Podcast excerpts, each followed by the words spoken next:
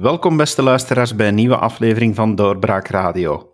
Mijn gasten vandaag is Veerle Gerings. Zij heeft Lorin Parijs opgevolgd in het Vlaams parlement en vandaag leren we haar wat beter kennen. Goedemorgen mevrouw Gerings. Goedemorgen. Hoe heeft u dat overvallen, dat u zo uh, ja, plots dan eigenlijk toch wel naar het Vlaams parlement ging? Ja, u mag wel zeggen dat dat toch wel nog een verrassing was. Uh, in de voormiddag werd ik gebeld door een collega van NVA, namelijk door minister Ben Wijts, die mij liet weten, uh, opgelet, niet verschieten, er staat iets te gebeuren en jij bent natuurlijk tweede opvolger op de lijst, dus het zal u tegemoet komen. En hij vroeg me daar even nog uh, mee te wachten, zodat we zeker waren. En in de namiddag was het al all over natuurlijk, want tegen de middag werd dit al vrijgegeven door de media. Dus dan was het plots een feit, hetgeen betekende dat ik uh, een week later uh, mocht mij organiseren om te zorgen dat ik paraat was voor het Vlaams parlement, zeg maar. Maar politiek is voor u geen onbekende. U bent al een tijdje actief in de politiek, hè? Ja, wel zeker, wel zeker. Ik ben al heel lang eigenlijk vooral achter de schermen uh, boven lokaal actief geweest. Ik ben heel lang ondervoorzitter en daarna ook voorzitter van de partijraad geweest. Dat is weliswaar vrijwilligerswerk, maar dat geeft een heel sterk beeld op onze hele organisatie. Dus is het zeker voor mij geen onbekende uh, werking, zeg maar, het parlementaire verhaal. Uh, de werking met de ministers, hoe dat allemaal in elkaar zit, dat is voor mij eigenlijk geen nieuws meer. Ik heb ook vroeger nog gewerkt voor minister Muiters, dus als kabinetmedewerker. Uh, en ik heb ook voor de fractie van het Vlaams parlement een tijdje gewerkt. Dus laten we zeggen dat ik wel beslagen ter tafel zal komen. Wat trekt u eigenlijk zo aan in politiek? Goh, dat is een, eh, een persoonlijke ambitie, zou je kunnen zeggen. De gedrevenheid om het goed te kunnen doen uh, voor de bevolking. En als vrouw heb ik daar nog een extra tintje bij, want men zegt altijd dat men geen goede, beslagen vrouwen vindt in de politiek. En dat is dus absoluut niet waar. Ik denk dat er zeker en vast gedreven vrouwen zijn, die zeker ook een stem hebben en moeten hebben. En de, die zijn er en die willen zich engageren. En bij deze doe ik dat al sinds 2010, 2012, met de volle gedrevenheid die die mij eigen is, zoals de meeste mensen wel zullen weten. Mijn enthousiasme is legendarisch, zouden we kunnen zeggen. Vindt u dat het dan nodig is dat er quota zijn voor vrouwen in de politiek? Goh, dat is een debat dat bij ons altijd wel wat geleefd heeft. Aan zich zou dat niet moeten zijn. Hè. Er zijn genoeg voldoende bekwame en gedreven vrouwen die eens eh, deelnemen, sowieso ook zullen bovendrijven wanneer er kwaliteiten worden gezocht. Maar eh, de stap voor ze natuurlijk in die eerste regionen van de politiek terechtkomen, is er wel. En dus uh, ja, de quota zullen wel geholpen hebben, hoewel ik er geen voorstander van ben. Ik gewoon nog wel van concurrentie. En als we tussen mannen en vrouwen eerlijke concurrentie inzetten, dan ben ik er nog altijd van overtuigd dat er heel veel vrouwen uh, naar boven zullen drijven en ook bekwaam zullen meedoen aan uh, de politieke arena. Ik ben er zelf van overtuigd dat vrouwen altijd uh, ook nog wat extra te bieden hebben, omdat ze een andere kijk hebben. Mannen hebben ook dat extra te bieden van hun uit hun kijk. Vind, vindt u ook dat u op politiek, of dat u naar politiek anders kijkt, omdat u een vrouw bent? Well, zo letterlijk is dat niet, maar ik denk dat wij heel erg complementair zijn, mannen en vrouwen. Hè. Men moet dat zien als een, talent, uh, een talentgedreven situatie. Vrouwen staan inderdaad soms wel anders in de wereld. Het is een definitie. Ik heb zelf vier kinderen, uh, dan weet je wat het is. Crisissituaties, dat is dagelijkse realiteit als je een gezin grootbrengt. En dat is niet anders in de politiek. En ik denk daar durven naar kijken als vrouw. Dat doe je anders in je organisatiemanagement en je time management dan dat sommige mannen dat doen die eerder de zaken misschien wat kunnen parkeren of daar het, het, uh, het anders zien. Maar ik denk juist dat dat niet verschillend is, maar complementair. En dat als we naar elkaar goed luisteren, dat eigenlijk uh, het een ongelooflijke win-win kan zijn. zoals dat dat ook in een huishouden uh, kan zijn. Dus ja, ik ben absoluut wat dat betreft heel erg voorstander van het zoeken juist van talentgedreven complementen en niet te zeggen dat iets vastpakt aan een vrouw of aan een man of aan een gender. Ik geloof daar eigenlijk niet in. Uh, je hebt goede vrouwen en talentrijke mannen. Je hebt van alles een beetje. Het hangt een beetje samen in functie van wie je bent, wat je vooropleiding is en hoe je gedreven naar iets kijkt natuurlijk. Mhm. Daar, eh, daar kan ik heel goed in volgen. U hebt natuurlijk ook heel wat ervaring met lokale politiek, want eh, in de gemeenteraad van Zemst bent u ook al een tijdje aanwezig. Maar aanwezig is een kleine. Ik, ik, ik, ik ja. wat het is. Laten we zeggen dat ik sinds 2012 uh, eh, schepen ben, eerste schepen van de gemeente Zemst en sinds 2019 burgemeester. Dus ik ben uh, aanwezig, zou je kunnen zeggen, in onze gemeenteraad op een uh, bijzondere manier. En met mijn bijzondere kijk als burgemeester in crisismanagement heeft dat al zeker en vast het verschil wel gemaakt, want de burgemeesters hebben in de afgelopen periode wel heel wat te verwerken gekregen.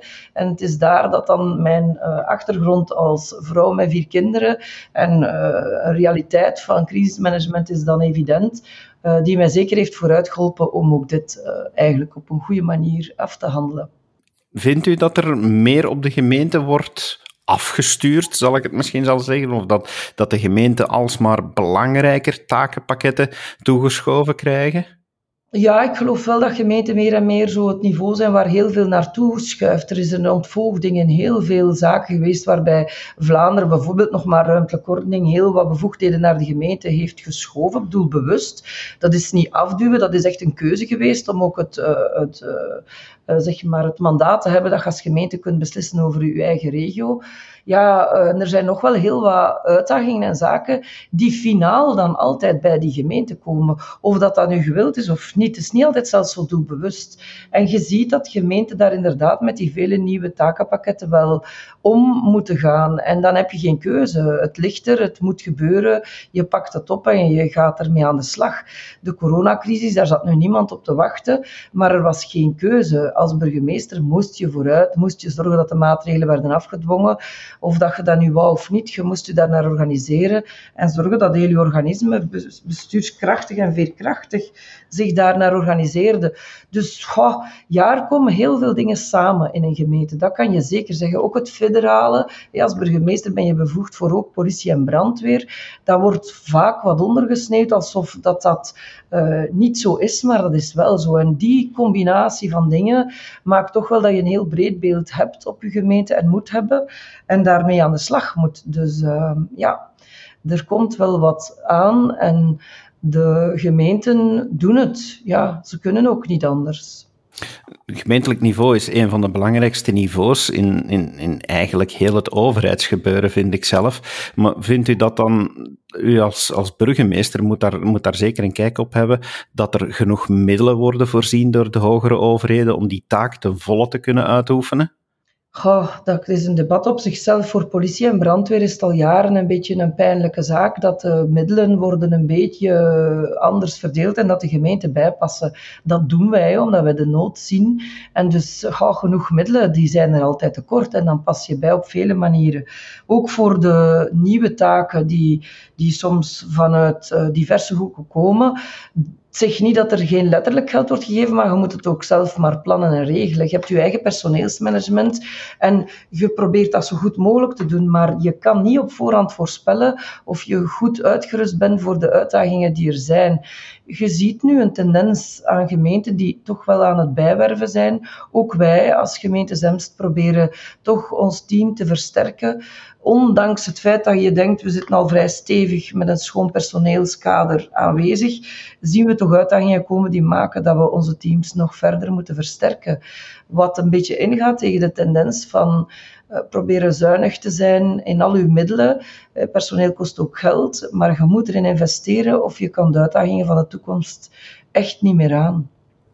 Vindt u dan dat er een terecht streven is naar wat grotere gemeentes met meer slagkracht door die fusies?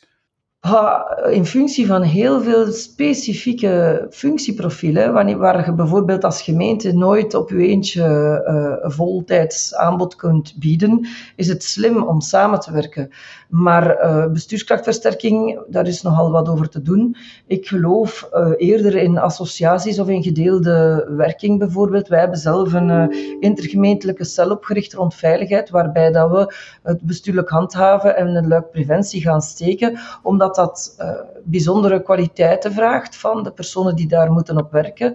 En als één gemeente alleen heb je niet altijd genoeg uren of dossiers in diezelfde materie. En als je dat dan intergemeentelijk opricht, kan je bijvoorbeeld met drie gemeenten binnen onze politiezone daar goed op werken. Dus dat zijn evoluties van de toekomst die altijd wel ook hebben bestaan. Hè. Dat is niks nieuw. Als je bijzondere kwaliteiten zoekt, dat je die inkoopt, of eh, via gedeeld personeel of via intercommunales of via systemen die zorgen dat je tijdelijk uh, versterkt wordt.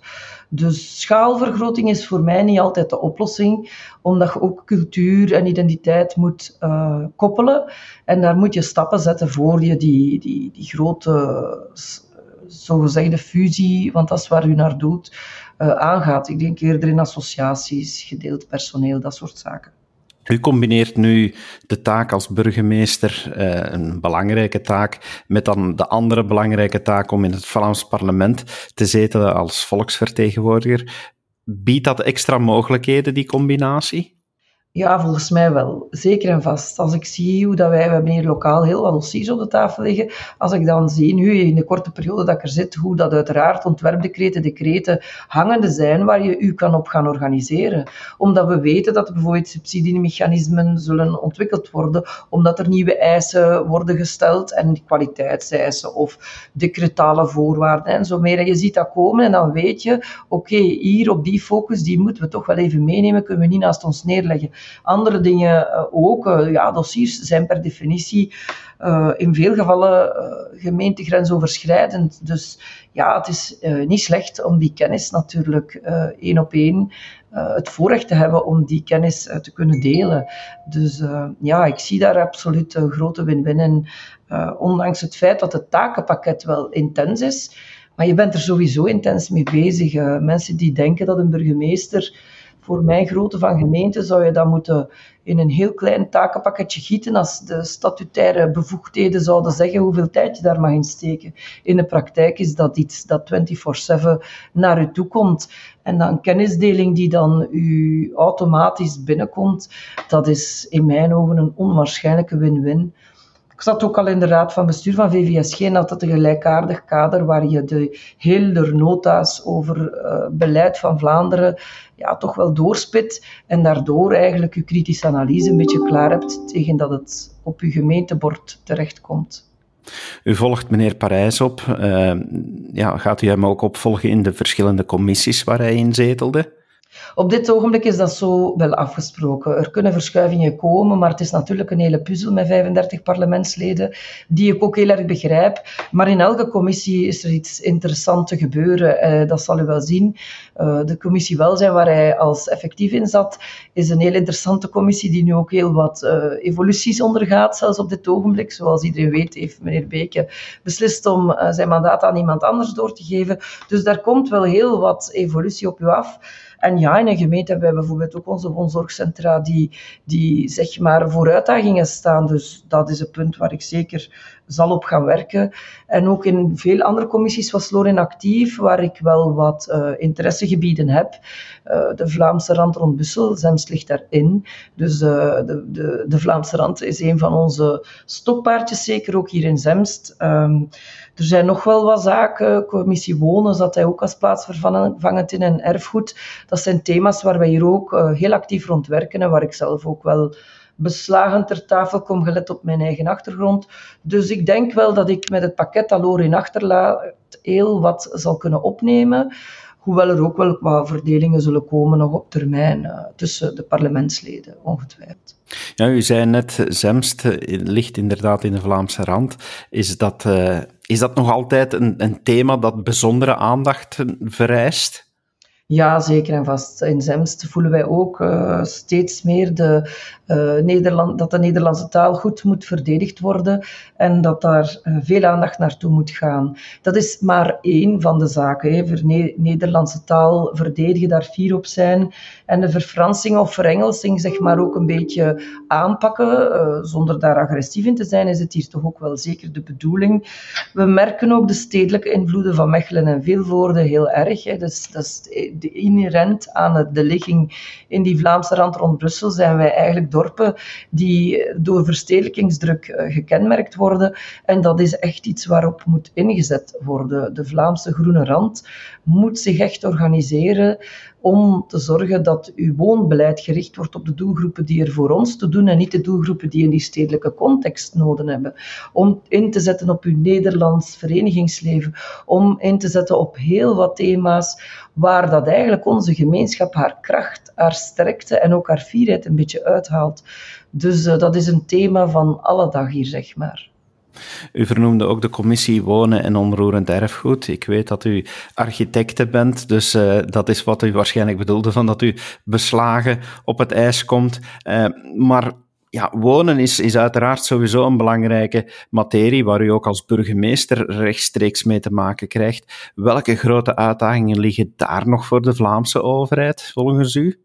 Ja, het woonlandschap wordt eigenlijk hertekend op dit ogenblik. Hè. Dus minister Diependalen is daar actief mee bezig om het woonlandschap uh, zeg maar terug vorm te geven. En daar zijn wij als gemeente allemaal in betrokken. Ook de regiowerking daar rond. We hebben zo net zelfs lokaal een beslissing genomen om met uh, zes gemeenten of zeven, ik moet al weer stellen, samen te werken om dat woonbeleid vorm te geven. We hebben daar actief een stem uh, opgenomen samen om onze landelijke doelen uit te spreken. En ik denk dat dat zeker een uitdaging is die op eh, de tafel van de Vlaamse regering ligt, om te zorgen dat dat tot een goed einde wordt gebracht, om het patrimonium, het sociaal woonpatrimonium en zo op de juiste manier voor de toekomst te gaan kneden. En daar is wel wat werk aan de winkel, want uh, ja, de huidige sociale huisvesting, daar kan je heel veel over zeggen, maar vooral dat er toch een upgrade nodig is en dat ook de woonkwaliteit daar hier en daar uh, ernstig moet bekeken worden. Als het over Zemst gaat dan bijvoorbeeld zeker. Maar ook de manier hoe dat er wordt gewerkt met huisvestingsmaatschappijen, daar is toch wel wat uh, uitdaging. Uh, nu, natuurlijk, als plaatsvervangend lid in de commissie wonen, weet ik niet in hoeverre dat ik dat nu specifiek zal opnemen. Maar ik weet als ZEMS dat we daar heel hard mee bezig zijn om uh, met onze partners het juiste verhaal te kunnen schrijven. Stel dat u nu uh, geheel zelf zou kunnen een lijstje aangeven met uh, dat zijn eigenlijk mijn favoriete commissies waar ik zou willen inzetelen. Uh, wat zou dan op nummer 1 staan? Goh, ik ben een beetje in een breedbeeld, dus ik doe eigenlijk heel veel dingen graag uit dat breedbeeld en die helikopter maakt het goed.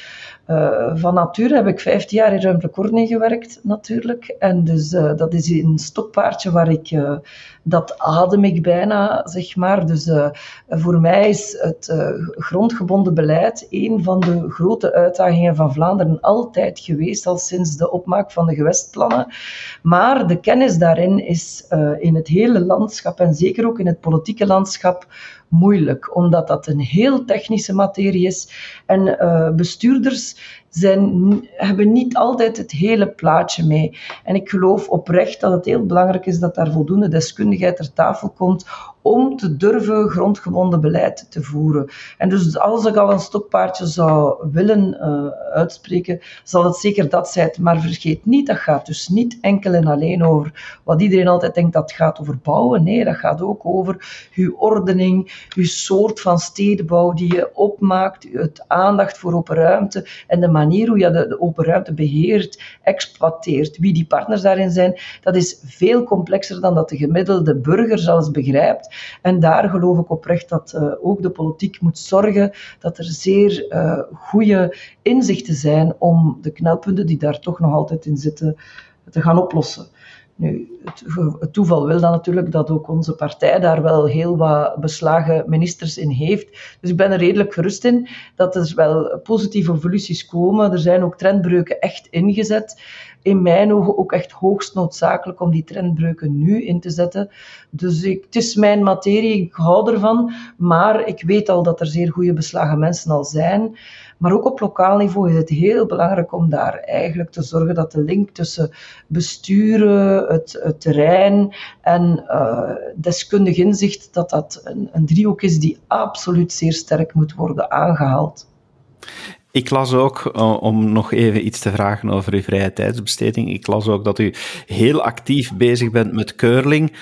Dat is een sport waar dat we niet zo heel vaak van, van horen. Um, ja, hebt u daar in de eerste plaats nog tijd voor nu eigenlijk?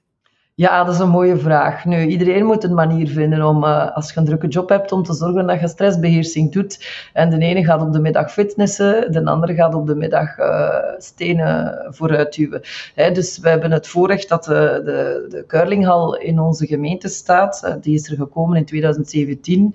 Weliswaar niet op mijn verzoek, maar het is een toevalligheid die er dan was. En bij het openen van die hal ben ik eens gaan proberen.